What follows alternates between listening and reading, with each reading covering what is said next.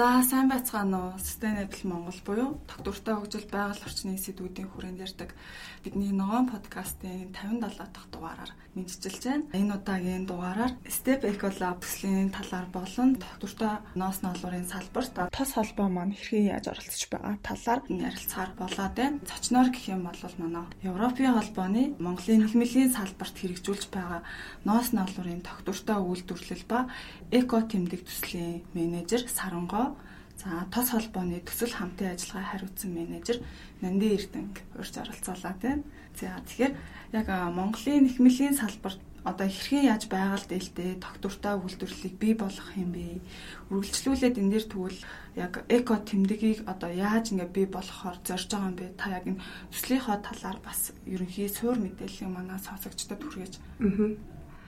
За Европын холбооны санхүүжилттэй Step Ecolab гэдэг төсөл байгаа. За төсөл бол 2018 оноос эхлээ хэрэгжиж байгаа. А ерөнхийдөө бол Монголын хэмнэлийн салбарт байгаль дээлтэй нийгмийн хариуцлагатай тогтвортой үйлдвэрлэл хэрэглээний арга туршлагуудыг нэвтрүүлэхэд дэмжлэг үзүүлэх зорилготой юм төсөл. Төслийн маань гол зорилтууд бүлэг бол үйлдвэрлэгч нар маань байгаа. Өөрөөр хэлбэл манай Монгол орн бол амтны гаралтай түүхийд материалаараа маш баялаг. Одоо ноос ноолрын салбар маань, хөдөөжин салбар маань Монгол улсын хувьд стратегийн хоёр дахь чухал салбар гэж явдаг. Тэгэхээр энэ төслийн маань үйл ажиллагааны болон санхүүжилтийн бараг 80% нь салбарын ноос ноолор боловсруулах үйлдвэрүүдийн үйл ажиллагаанд доктортой үйлдвэрлэл ба хэрэглээг хэрэглээний тэргуун туршлагыг нэвтрүүлэхэд зориулагдах юм. Төсөл маань ер нь хугацааны хувьд хэдэн он хүртэл үргэлжлэхээр ерөнхийд бол энэ 4 жилийн хугацаатай төсөл байгаа. Бид нар эхний 2 жилийн өнгөрүүлсэн байна. Энэ эхний 2 жилд бид нар мал аж ахуйн салбар болон нас ноолрын боловсруулах салбаруудад эдгээр зах зээл үйлдвэрүүдийн үйл ажиллагаатай холбоотой санхүүжилтийн хэсэг дээр суурь судалгаануудыг хийсэн байгаа. Одоо яг төслийн 3 дахь дөрөвдөх шатнд бодит одоо үйлдвэрүүдтэй хамтарч ажиллах, хэрэгжүүлэх чухал алхмуудыг хийхээр төлөвлөгдсөн байна. Тэгэхээр яг ноос ноолуурын 193 орчим үйлдвэрлэл компаниуд бас бүртгэлтэй байдаг гэж би сонсч байсан. А үргэлжлээд одоо нэг бүтээгдэхүүн хүний гар дээр ирэх гэж 26 үе шатыг дамждаг гэхээр үе шат болгондоо тодорхой хэмжээний одоо байгальд одоо уул мөрчлөлтэйг явдаг байгаа шүү дээ. Тэгэхээр яг энэ салбарт дээр ингээ ажиллахын гол бас нөгөө давуу тал нь юу юм? Тэгээд яг Монгол улсын одоо өнөөгийн нөхцөл байдал бол яг ямар байдалтай байгаа вэ? Дэлхийн тахны хувьд та бас ерөнхийд нь мэдээл бол аа ерөнхийдөө дэлхийн нийтээрээ нэмэн хүртгийн сүлжээнд буюу нийлүүлэлтийн сүлжээнд доктортой байдлыг хөгжүүлэхдээ зөвхөн үйлдвэрлэлийн шатамжлага дээр хөгжүүлэхийг зордгоо. Яг нөгөө нэмэн үртгэн сүлжээний эхлэлцэг болох хөдөө аж ахуй тариалга газар тариалан дээр хүн ширхэгтэй байх юм бол а манай улсын хувьд бол мал аж ахуй одоо амтны гаралтай ноос ноолуран бүтээгдэхүүн түүхий үйлдвэрлэлтэй учраас бэлчээрийн мал аж ахуй маань өөрөө бас байгаль дэлтэй байх ёстой. Цаашаагаад эндээсээ дамжаад үйлдвэрийн бүх шат дамжлага байгаль дэлтэй байх, доктортой үйлдвэрлэл ба хэрэглээ, доктортой байдлыг хэрэгжүүлэх ёстой гэсэн ийм байдлаар хэрэгжиж байгаа. Нурагшаага түүхийдээ бэлтгэний нийлүүлж авж байгаа мал аж ахуй маань өөрөө байгаль дээлтэй өшөө дээрэс нь экологи экосистемийг эвдэхгүй хадгалж байх ёстой гэдэг шаардлага тавьдаж байгаа. Тэгэхээр энэ дээр Монгол улсын хувьд бол яг энэ уртлын э, бидний яриад байгаа э, нэмэгдсэн сүлжээний эхлэл хэсэгт манай нас ноолрон бүтээгдэхүүнийг худалдаж авч байгаа харилцагч хэрэглэгч нарын хамгийн их санаад зовж байгаа хоёр том чухал асуудал бол нэгдүгээр бэлчээрийн доктортой менежмент буюу бэлчээрийг талхагдлаас сэргийлэх, бэлчээрийг цөлжилтөөс хамгаалах асуудал. Хоёр дахь асуудал нь болохоор мэдээж мал амтны тав тавлаг байдал буюу түүхий ноос ноолорыг малаас бэлтгэж авахдаа одоо тэр малыг зовоохгүй тарчлаахгүй аль болохоор эвтэйхэн байдлаар бэлдэж авах гэсэн энэ хоёр асуудал бол манай улсын хувьд хамгийн том чухал чухал асуудал. Аа ноос ноолор боловсруулах үйлдвэрүүдийн хувьд бол бид нэр таван асуудлыг гол асуудлууд болгож авч харж байгаа. Ерөнхийдөө бол дуртай байдлыг текстилийн буюу химлийн салбарт хэрхэн хэрэгжиж байгааг баталгаажуулдаг ийм гэрчлэгнүүд байдаг. Олон улсад хүлээн зөвшөөрөгдсөн нэр хүндтэй гэрчлэгнүүд байдаг. Энэ нь болохоор Global Organic Textile Standard гэж бий. А нөгөө нэг том гэрчлэгээ нь Oikotex гэдэг компани гаргасан Step Sustainable Textile Production гэдэг ийм гэрчлэгээ байгаа. А тэгэхээр энэ хоёр гэрчлэгээний одоо шалгуур үзүүлэлтүүдийг судлаад үзэх юм бол ерөөсөө л ноос ноолор боловсруулах үйлдвэр үйлдвэрүүдэд тавигдж байгаа гол шаардлага бол эрчим хүчний хэмнэлттэй технологиг хэрэглэх а усны химнэлтийг байнга гаргах, үйлдвэрээс гарч байгаа альва хатуу хог хаягдл болон үйлдвэрийн бохир усыг бохир ус бол одоо байгаль орчинд ямар нэгэн байдлаар сөрөг улмуур буюу сөрөг экологийн сөрөг улмуур үлдээхгүй байх. А дээрэс нь химийн бодис бол энэ салбарын үйлдвэрүүдэд ямар ч байсан химийн бодисод хэрэгэлдэг. А энэ химийн бодисод нөгөө ногоон химийн бодисын зарчим одоо Европын холбооны 90 ч удирдамж удирдамж гэдэг энэ олон одоо химийн бодис дээр тавьддаг олон шаардлагуудад яг энэ шаардлагуудыг хангасан байх гэсэн ийм л а тэгээд дээрэс нь нөгөө нийгмийн хариуцлагатай дотор нь ажиллаж байгаа болон иргэний нийгмийн сэтгэл ханамжтай байх нөгөө шалгуур үзүүлэлтүүд байгаа шүү дээ. Ийм л таван том критерийг тавьж баталгаажуулж гэрчлэгээ олгодог байгаа. Тэр манай төслийн хувьд ч гэсэн яг ноос нолдор боловсруулах үйлдвэрүүд дээр мөн л яг энэ таван шалгуур үзүүлэлтүүдийн дагуу бид нэр яг ямар түвшинд байгаа юм бэ гэдгийг үнэлээд суурь үнэлгээний тайлан гаргацсан байж байгаа.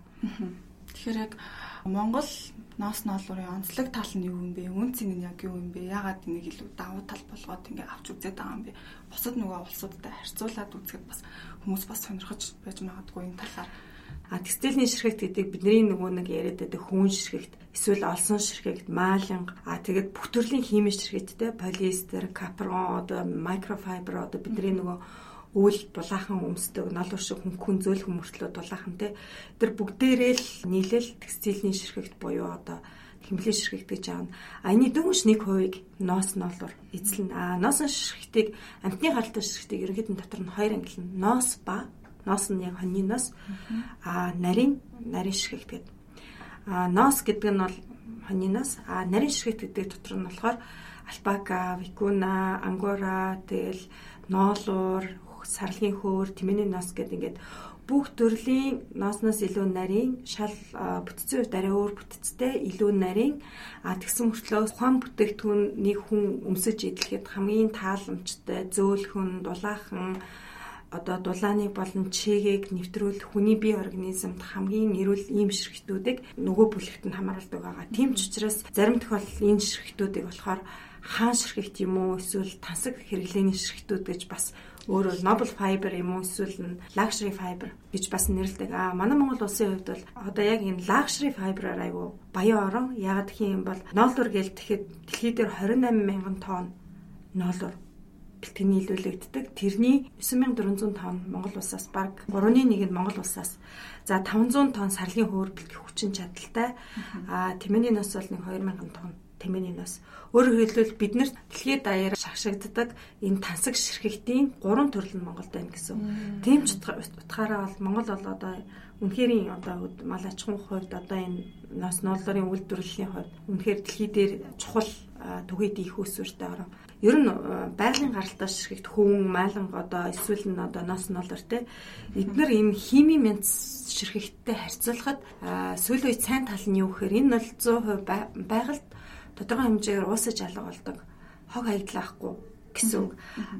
А ерөнхийдөө бол би ноолор үйлдвэрийг ер нь баг хаягдлагүй үйлдвэр гэж хэлнэ. Яг бол тэндээс гарч байгаа бүтээгдэхүүн болгон гарч байгаа бүр дайвар одоо хялгасын хүртэл бид нар одоо гудсны матрас те орны матрасны одоо зөөлөвчөнд хэрэглэх эсвэл нь хялгасаар нь одоо энэ маш үнэтэй дансаг зэрэглэлийн эрэгтэй хүний костюмны захны хатуулганд хийх гэдэг ч юм уу те ингэж хэрэглэнэ.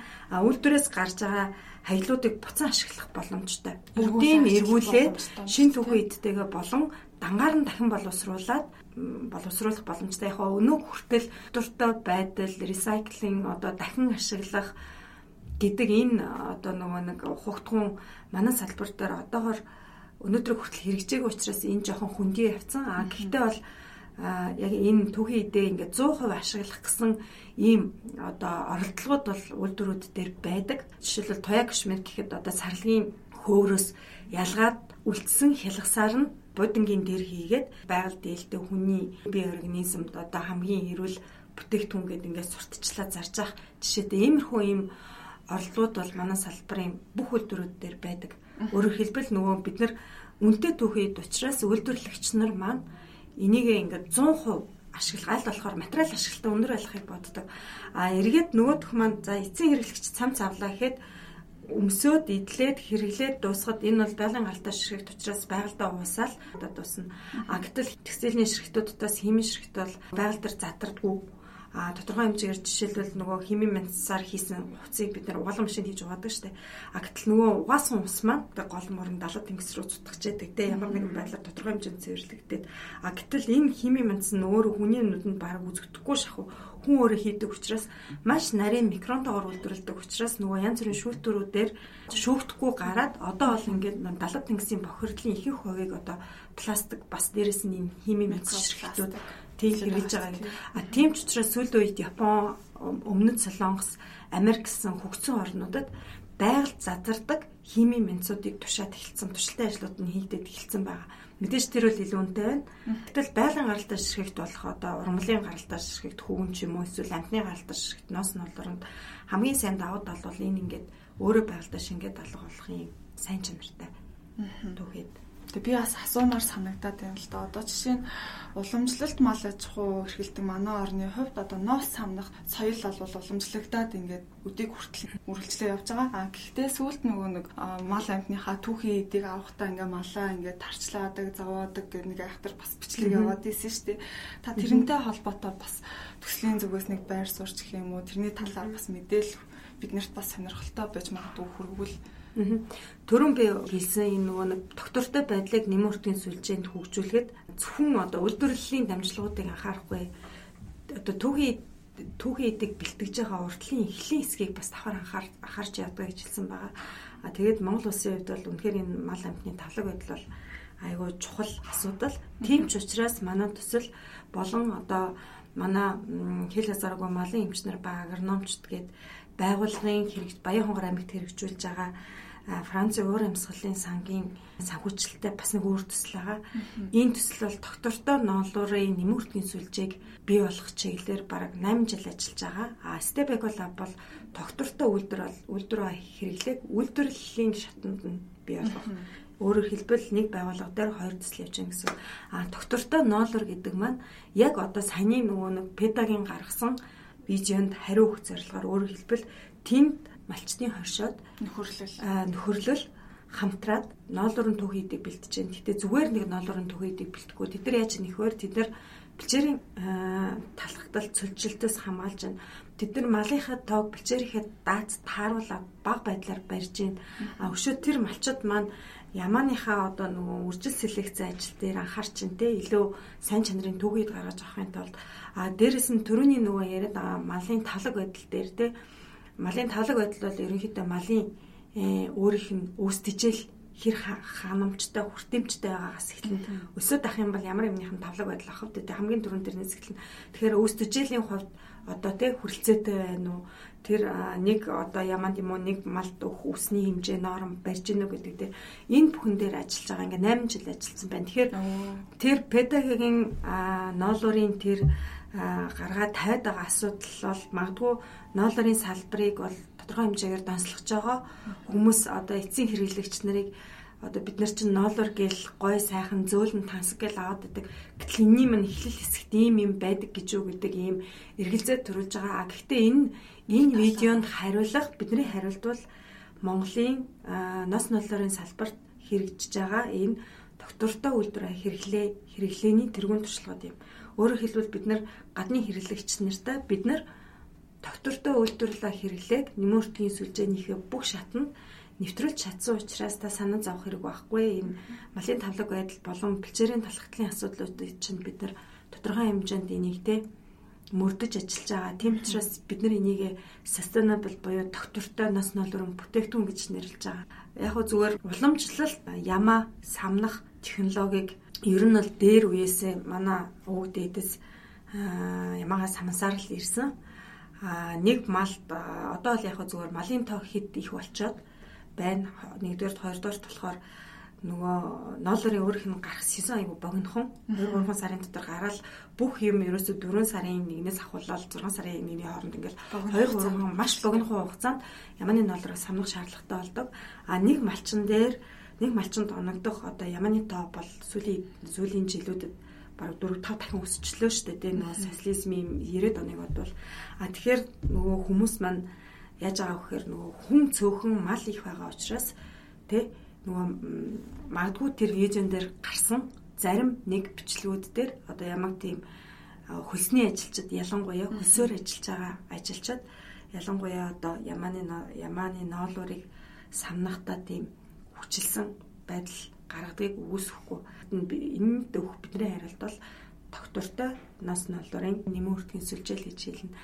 А зүгээр дээр үе уламжлалаа отох юм бол 70-ад онд надмидгаа гээд одоо хөдөөчхөн том эрдэмтэн би Яманы аж ахуй дээр мэрэгчсэн. А би яг тэр видео харсны дараа тэр хүний номыг авч уншижсэн. Бид нар ингэдэг ер нь ямаага яаж самдаг гэсэн өмнө нь яг яадаг гэсэн гэхээр тэр ном дээр аюу тодорхойлсон байгаа. Гурван төрлийн самтай сам байдаг. А эхний сам нь болохоор нөгөө яманы одоо нөгөө нэг ноолуурын ноолуурын өсөн бүрхөвч гэдэг юм уу те тэр чи яг ингээд ойртод харах юм бол хялгас ноолур гэсэн хоёр шигтээс бүрддэг хялгас нь нөгөө ноолураа бүрхээд байрладаг А тэгээд мэдээж тэр чинь нөгөө наар салхины болон одоо янз бүрийн юмд хүрэлцэн шүргэлцсэний нөлөөгөөр ингээд нэг баг зэрэг юм дайхраа ширэлдсэн байдаг. Тэгэхээр том шүттэй самаар нь эхлээд тэр дайхраа гаргана. А тэрний дараагаар нөгөө ноолор өөрөө ямааныхаа арснаас тодорхой хугацаанд хөөрөд хөөрнө гэж ярьдаг одоо сугараад сулардаг. А яг тэрийг нь мэдрээд малчин хүн өөрөө л мэдрээд тэрийгээ самнаад ноолороос жижиг арай бага дуун зэргийн самаар самж аваад яг энэ хүзүү, чих, толгой, хөл гэсэн хэсгүүдэд арай нарийн шүдтэй самаар самна гэд бүр айл надмид гоо одоо 70 донд анх хэвлэгдсэн номон дээр заасан байгаа.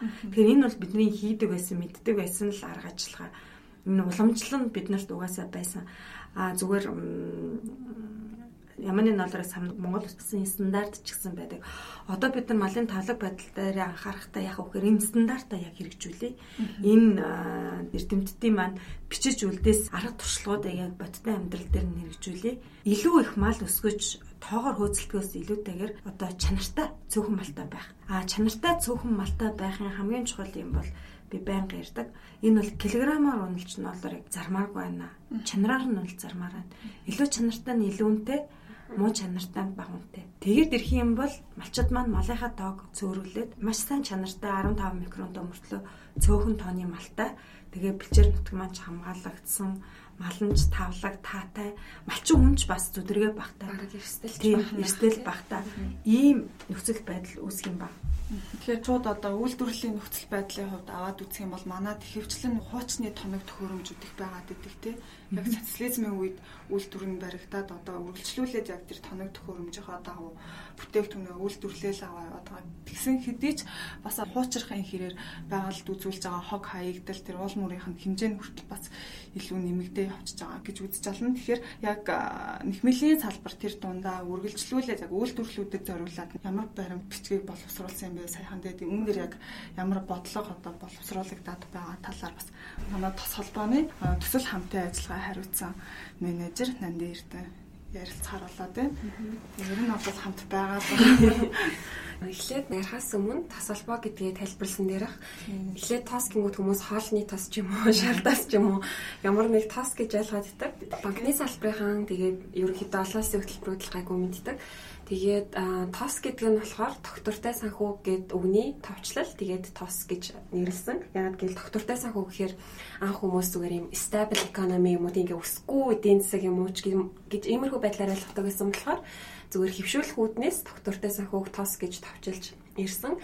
Одоо яг энэ step back lab төсөл дээр тос албаа ямар ролтой оролцож байгаа вэ гэх юм бол би тэгэд үйлдвэрүүдэд зориулсан ногоон санхүүжилтийг одоо холбож өгөх үүрэгтэй. Тэгээд холбож өгөхөөс гадна төсөл дууссан ч гэсэн цаашдынхан доктортой байдлыг хадгалах үүднээс бид нэр тогтолцоог нь бүрдүүлээд төслийн хувьд дуусгах хэрэгтэй. Тэгэхээр тэр тогтолцоонд нь юу одоо орж байгаа вэ гэхээр 13 онд бүх арилжааны банкуд тос албанд нэгдээд тухайг бичигт гарын үсгээ зурсан.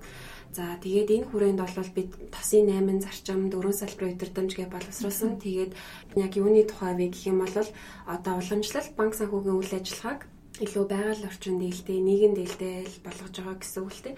Өндөр эрсдэлтэй нөгөө дөрвөн салбар гэж ярьсан шүү дээ. Энэ дөрвөн салбар дээр ахаад нэмэгдээд Хэмэлийн салбарын санхүүжилт одоо тав дахь одоо баримтлах бодлого бичиг болоо гарч ирж байгаа тий. Тэгэхээр дөрвөн салбар нь ямар салбар байсан бэ? Бас тэрний талаар. Ерөнхийдөө яагаад энэ дөрвөн салбарыг авч үзсэн? Ер нь яагаад салбарын удирдамж гаргасан бэ гэхээр одоо яг тодорхойлсон байгаа дөрвөн салбарт нь уул уурхай, боловсруулах, барилга, удааж хуу гэсэн дөрвөн салбар байдаг.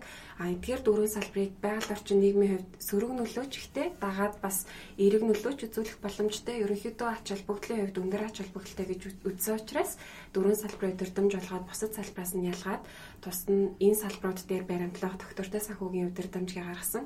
За сүүлд Lab төслийн хүрээнд бид хэд 5 дахь салбарын удирдамж болгоод хэмнэлийн салбарт баримтлах доктортой санхүүгийн удирдамж гэж гаргасан. За ерөнхийдөө энэ удирдамж нь бол банк санхүүгийн байгууллагад зориулсан удирдамж юуг агуулдаг вэ гэхээр ерөнхийдөө салбарын тухай ерөнхий мэдээлэл. Энэ салбарт ямар байгаль орчны асуудал байдгийг, нийгмийн асуудал байдгийг, за энэ асуудлуудыг яаж эрсдлийг нь үнэлэх үү? Тэгээд эрсдлийг нь яаж ангилах уу, яаж эрсдлийг нь бууруулах уу, зээл болохдоо энэ эрсдлүүдийг яах ёстой юм гэдэг талаар ерөнхийдөө агуулсан баримтчиг. Тэгэхээр одоо яг банкнд ажиллаж байгаа, санхүүгийн байгууллагт ажиллаж байгаа байгаль орчин нийгмийн эрсдлийг үнэлдэг ажилтнууд ерөнхийдөө гарын авлага шиг ашиглаад явах ийм баримтчиг гэсэн үг. За тэгэхээр одоогийн нөхцөл байдал бол хэрэгцээ шаардлага ямар байгаа талаар сур мэдээллийг сарангой ихч маань бол хүргэсэн байгаа. За яг нь нөхцөл байдлын хувьд гэх юм бол банкны талаас аваад үзэх юм бол техникийн салбар манд томоохон харилцагчдын нэг гэж үздэг. За тэр утгаараа бас бид нэр эдийн засгийн эрсдлийг нь тооцохоос гадна байгаль орчин нийгэмд бас үлдээж байгаа эрсдлийг нь бас тооцоолоод за энийгээ тооцоолохын тулд одоо тос холбооноос гаргасан техникийн салбарт баримтлах бодлогын удирдамжаар ингээд чиглүүлэгдээд явна гэж миний хувьд бол ойлгоод байгаа. Тэгээд гол салбарын удирдамжийг дагалдаад эрсдлийн үнэлгээний чеклист буюу одоо эрсдлийн үнэлгээг хийдэг ийм түүлийг бидэд бол бас боловсруулдаг. Ерөнхийдөө энэ нь бол одоо банкнд ажиллаж байгаа ихэнх хүмүүс бол мэдээж байгаль орчин нийгмийн мэдлэг одоо санхүүгийнх нь мэдлэгтэй энэ зэрэгцүүд сайн байж чадахгүй. Тийм учраас эрсдлийг нь зөв үнэлэхэд зориулаад бидгээд маш энгийн асуултуудтай хариулттай дагалдах оноотой юм эрсдлийн төлийг ашиглуулдаг. Энэ төлийг ашиглаад ерөнхийдөө тухайн салбарт үйл ажиллагаа явуулж байгаа бизнес байгаль орчны ямар эрсдэлтэй байна, нийгмийн ямар эрсдэлтэй байна гэдгийг тодорхойлно. За тэгээд чеклист нь бол автоматар эрсдлээ тооцоолоод энэ зээл болвол бага эрсдэлтэй байна, дунд эрсдэлтэй, өндөр эрсдэлтэй гэдээ гараад ирнэ. Харин тосын одоо тунхаг бичигт гарын үсэг зурсан банкуд яадаг вэ гэвэл тухайн бизнесийн зээл нь байгаль орчин нийгмийн өндөр эрсдэлтэй эсвэл дунд эрсдэлтэй байх юм бол санхүүжүүлэхээс татгалзан гэсэн ийм тунхаг бичигт гарын үсэг зурсан байдаг. Гэхдээ бас нэг бодлын саяхныг хүртэл нэлийн буруу ойлголт бас байсан. Одоо жишээлбэл байгаль орчны хувьд өндөр эрсдэлтэй салбарыг санхүүжүүлэхгүй гэдээ орхичиж бас болохгүй шүү дээ. Яагаад гэвэл тэр идэд харин ч эсэргээрээ тохирсон ногоон санхүүжилтийг нь өгөөд үйл ажиллагааг нь ногоон тогтвортой болгох хэрэгтэй. Тэгэхээр нэг бодлоор тосойг одоо хэрэгжүүлснээр санхүүжүүлэхээс татгалзаж байгаа тийм муу бизнес одоо эрсдэлтэй байгаль орчин нийгэмд эрсдэлтэй бизнесээс татгалзаж байгаа тэдний үйл ажиллагааг дэмжихгүй гэж байгаа боловч нөгөө талаас харин ч ногоон санхүүжилтээр дэмжиж тэдний үйл ажиллагааг ногоон доктортой болгох гэсэн ийм хоёр үндсэн чиглэлд явах хэрэгтэй гэж ерөнхийдөө сүүлийн үед тийм хандлагатай байгаа. За товч мэдээлэл өгчлөө шүү дээ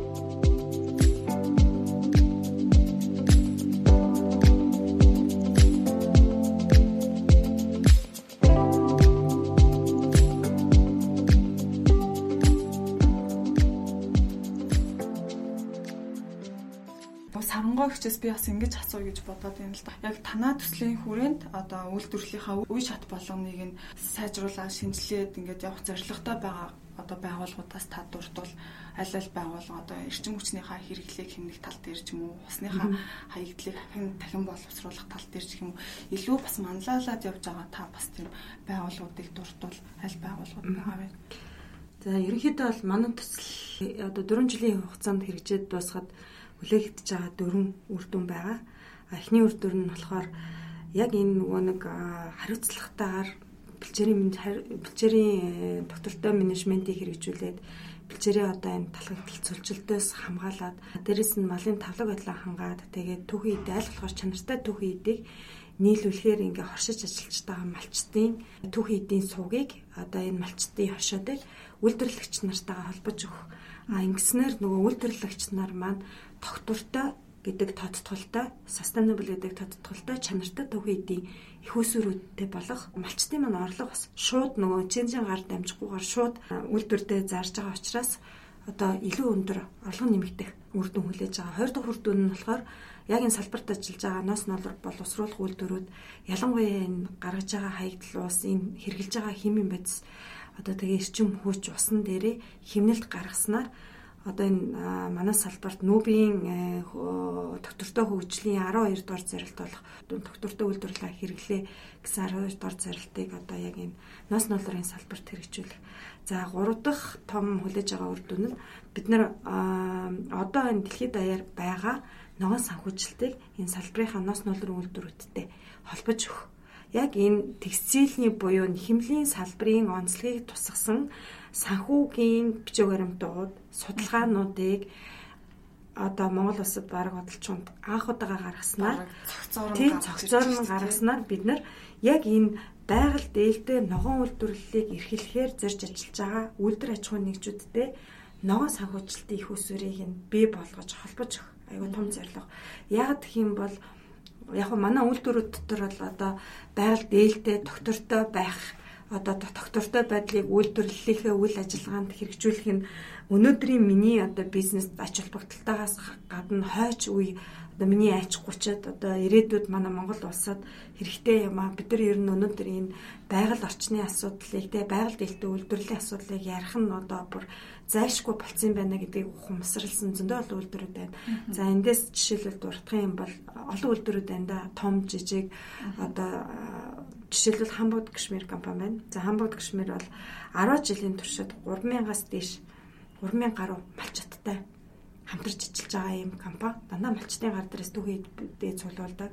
А нийгмийн харилцагын хүрээндээ ч гэсэн маш их олон тооны ажлыг хэрэгэлсэн. Манай Stepek Lab төслийн нэг хамтрагч байгаа. За дараачих нь болохоор өгөөч юм гээд анхшны үйлдвэр байна. Ялгас ялгах боловсруулах үйлдвэр. А энэ үйлдвэр маань одоо анхшны үйлдвэр буюу түүхийн ноос ноолоор угаах дамжлага өөрөөр хэлбэл тэн дээрээс одоо өдөрт угаах дамжлагынхаа усыг 100% цэвэршүүлээд дахин ашиглах ийм технологи сурлуулахаар зорж ажиллаж байна. Өөрөөр хэлбэл ноолорыг угаахад өдөрт 200 тонноос хэрэгтэй болдог. Бидний уудаг ундны 200 тонн усыг хэрвээ 100% цэвэршүүлээд дахин ашиглах юм бол тэр хэмжээгээрээ бид нэр ахын ус яг эцсийн хэрэглэгч одоо нөгөө унхны ус хэлбэрээрээ очно гэсэн. Дараагийн нэг үйлдвэр болохоор Дели Кашмир гэж жижигхэн үйлдвэр байгаа. Тэнгэр ертөнд ХХК буюу Дели Кашмир.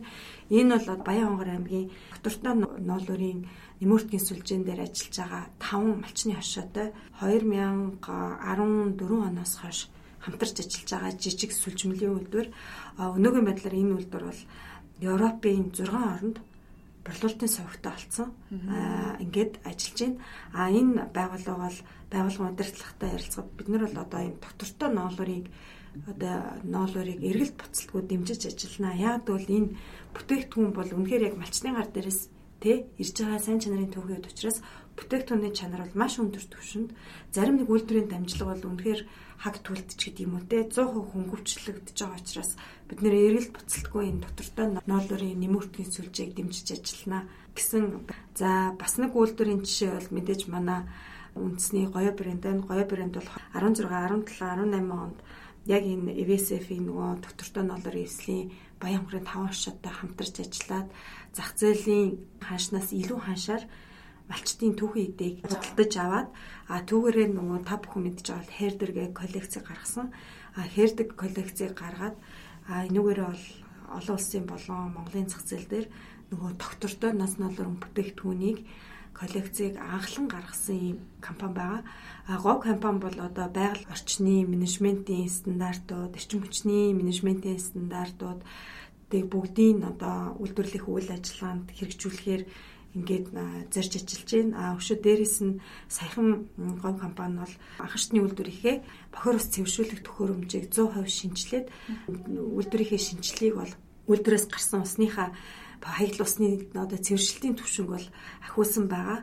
А энэс гадна гадаадын хөрөнгө оруулалтаа Мон Итали Лоропена Монголын хоёр үйлдвэр байгаа. Энэ үйлдвэрүүд бол анхаарчны үйлдвэрийнхээ үйлдвэрээсээ гарч байгаа хаягдл усыг 75-аас 90% хүртэл ингэж ийм өндөр хэмжээнд цэвэршүүлж байгаа. А гэтэл энэ үндэсний үйлдвэрүүдийг зарим нэг гадаадын хөрөнгө оруулалт буюу одоо шулуухан хэлгээд хятадын хөрөнгө оруулалттай угаах үйлдвэрүүдтэй харьцуулахад манай Монголын үндэсний үйлдвэрүүдийн одоо тэр байгаль дээлтэй доктортой үйлдвэрлэлийг хэрэглэх гэж байгаа тэр хүсэл зорилго бол үнэхээр маш өндөр аваа юм. Тэгэхээр төр засаг бодлогын хүрээнд бол энэ хоёр одоо те ялгаатай байгаа нүүлдвэрлэлүүдийн аас гарч байгаа энэ бохир усны одоо энэ нөгөө тэ чанар дээр нь бодиттой шинжилгээ хийгээд бохир усны төлбөрийг ялгууралтай болгох энэ хэрэгжилж байгаа цэвэрсэн дээр нь ямар нэгэн байдлаар урамшуулал өгөх ямар нэгэн байдлаар татаас хөнгөлөлтөөр төрийн бодлогоор зохицуулж өгөхгүй бол доктортой байдлыг хэрэгжүүлж байгаа тохиолдолд энэ бол үнцэн нэмдэг Өөрөөр хэлбэл тэр бэлчээр дээр ажиллаж байгаа малчид тийм үү малынхаа тоог бэлчээргээ даацтай бариулж байгаа малчдын орлогын их усүрийг хэвээр нь хадгалахын тулд те өшөө дээрэс нь нүүлдвэрүүд те эрчим хүчний хэмнэлтэд технологи болгоод байна. Офисынхаа гэрлийг те эсрэг төрчим хүчээр солихоор ингэж ажиллаж байна. Энэ бол бас л хөрөнгө оруулалт. Энэ бүх одоо эсвэл нь ус цэвэрлэх байгууламжийг те усыг дахин ашиглах байгууламжтай нь суйрлуулах чинь энэ бүхэн өөрөө энэ чинь хөрөнгө оруулалт. А энэ хөрөнгө оруулалт хаана суух вэ гэхээр бүтээгдэхүүн дээр өртөг болцсон. А өөрөөр хэлбэл доктортой ноос ноолорон бүтээгдэхүүн бол ердийн ноос ноолорон бүтээгдэхүүнээс үнэтэй байна. А гэхдээ энэний эргээд нөгөө байгаль болон нийгэмд үзүүлэх нөлөөлөл нь эерэг байна. А тийм учраас энэ нөгөө ногоон санхүүжилттэй холбож өгөх нь аягүй чухал байгаа. А төр засгийн хүрээнд ч гэсэн бодлогын түвшиндөө ус эрчим хүч одоо тий бохир усны төлбөр хэрэглээний төлбөрүүдийг оноогдохдоо яг энэ ногоон байгаль дэлд үйлдвэрлэл явуулж байгаа үгүй үсгийн ялгаа гаргаж оногдуулах юм бодлогууд нь бол байгаад байгаа. Нөгөө хэрэгжүүлэх механизм зохицуултуудыг нэн дээр хийх шаардлагатай байгаа. Тэгэхээр салбар салбарын хүмүүсийг бас мэдээлжүүлэх бас хэрэгцээ шаардлага бий болж байна гэсэн үг шүү дээ тий. Одоо хүн болгон ижилхэн төрөл мэдээлэл хүлээн авна гэж байхгүй болохоор яг одоо суураас нь ахуулаад эмэгцэгцтэй мэдээллийг цогц байдлаар бас танаа төсөл ингээ олон нийт төрөөд явж байгаа юм болов уу гэж би харж байна л да. Тэгэхээр сая та хэллээ том жижиг маш олон ноос налуурын үйлдвэрүүд байгаад байдаг. Тэгвэл буцаагаад одоо яг энэ нэхмэлийн салбарын санхүүжилтэнд баримтлах бодлого маань яг хамрах хүрээ маань аль хамрах хүрээг нь эзлээд байгаа юм. Зөвхөн ингээд том үйлдвэр үйлдвэрүүд юм уу жижиг үйлдвэрүүд юм уу яг ялгаа зааг нь бас байгаа юу? Энэний талаар бас нандаа мэдээлэл хүргүүл.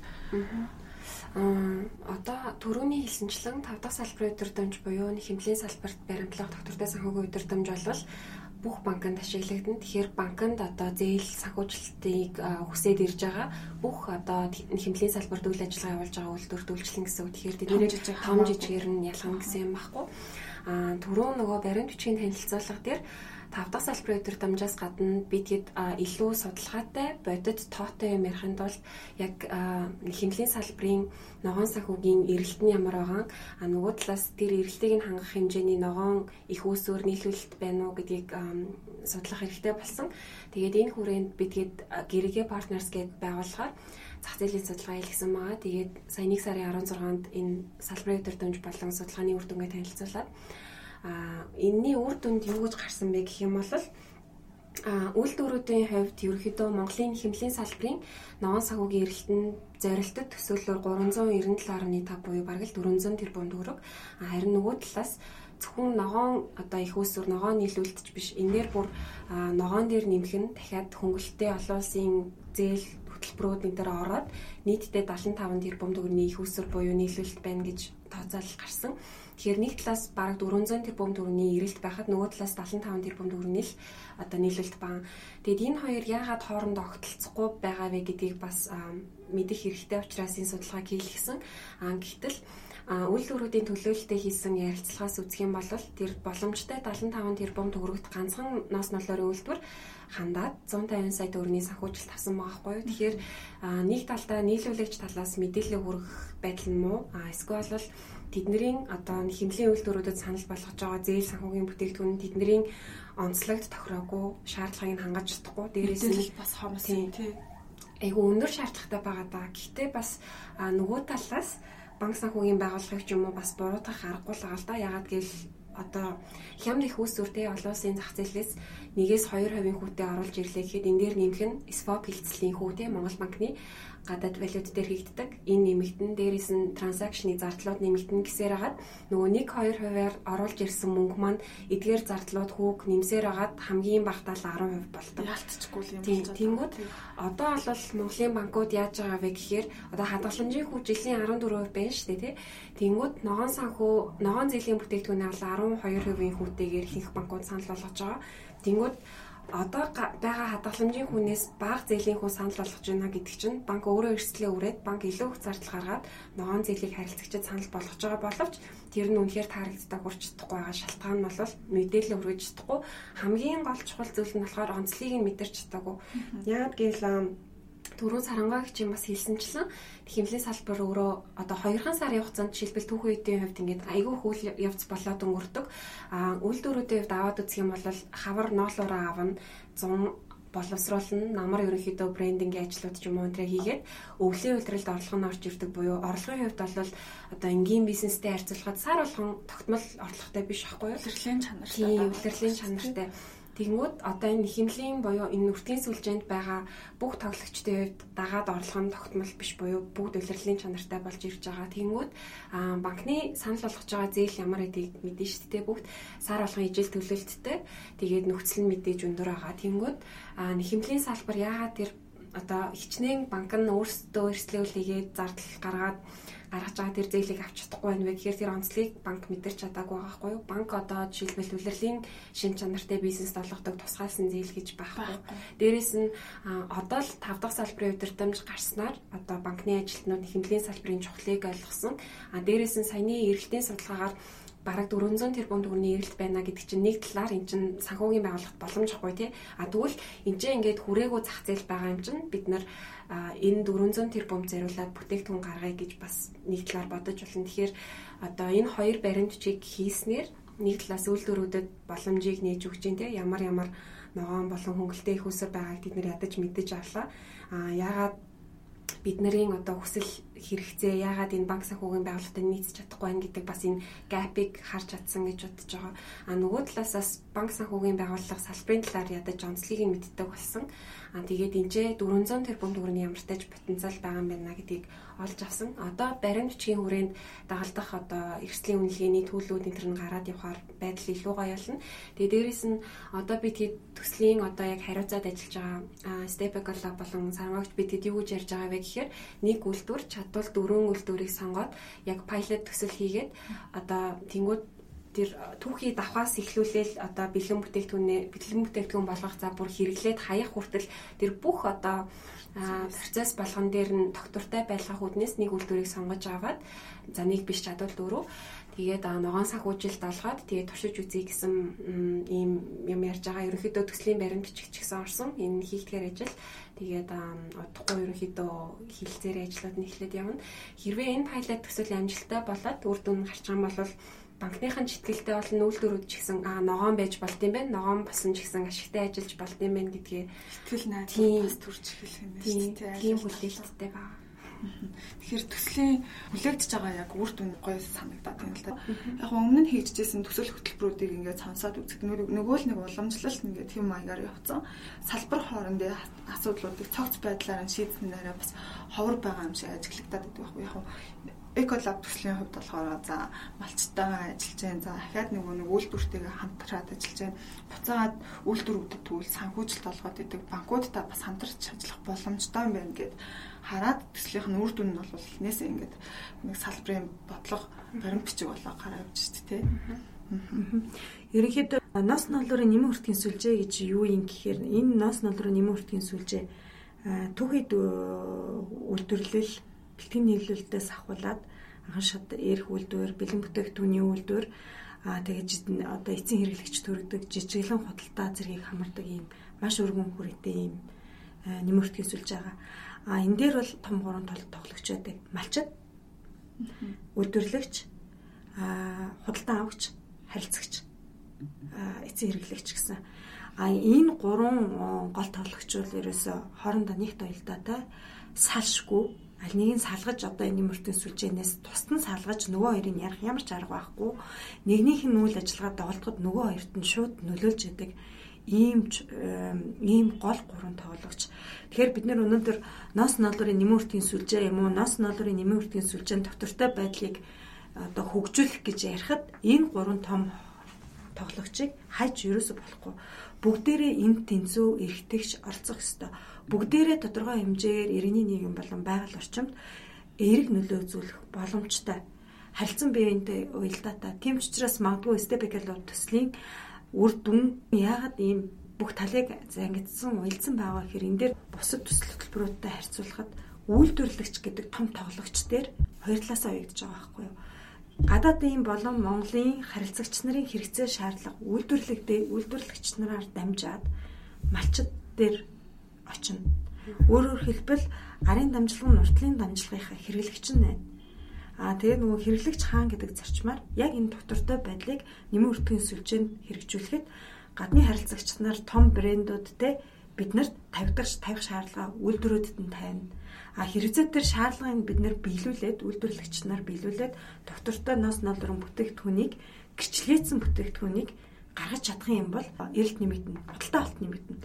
Худалдаа авалт нэмэгдэхийнхээ хэрээг хэрээр нөгөө үндэсний үйлдвэрүүд маань одоо байгаа ноос ноолрон бүтээгдэхүүнээ илүү доктортой болгох, илүү одоо чанартай болгох энэ нөгөө шаардлагуудыг малчид малчтын холбоод хоршооддоо тавиад эхэлнэ. Тэгэхээр энэ бол яг ийм нэмэртгийн сүлжээний цогц гурван үйл одоо нөгөө бүрэлдэхүүн хэсгийг бүгдийг хамарсан тусал учраас яг ингээд гурван тоглогч нарыг нь бүгдийг хамраад харилцаа ойлголцоо явьж байгаа учраас магадгүй эндээс илүү нөгөө нэг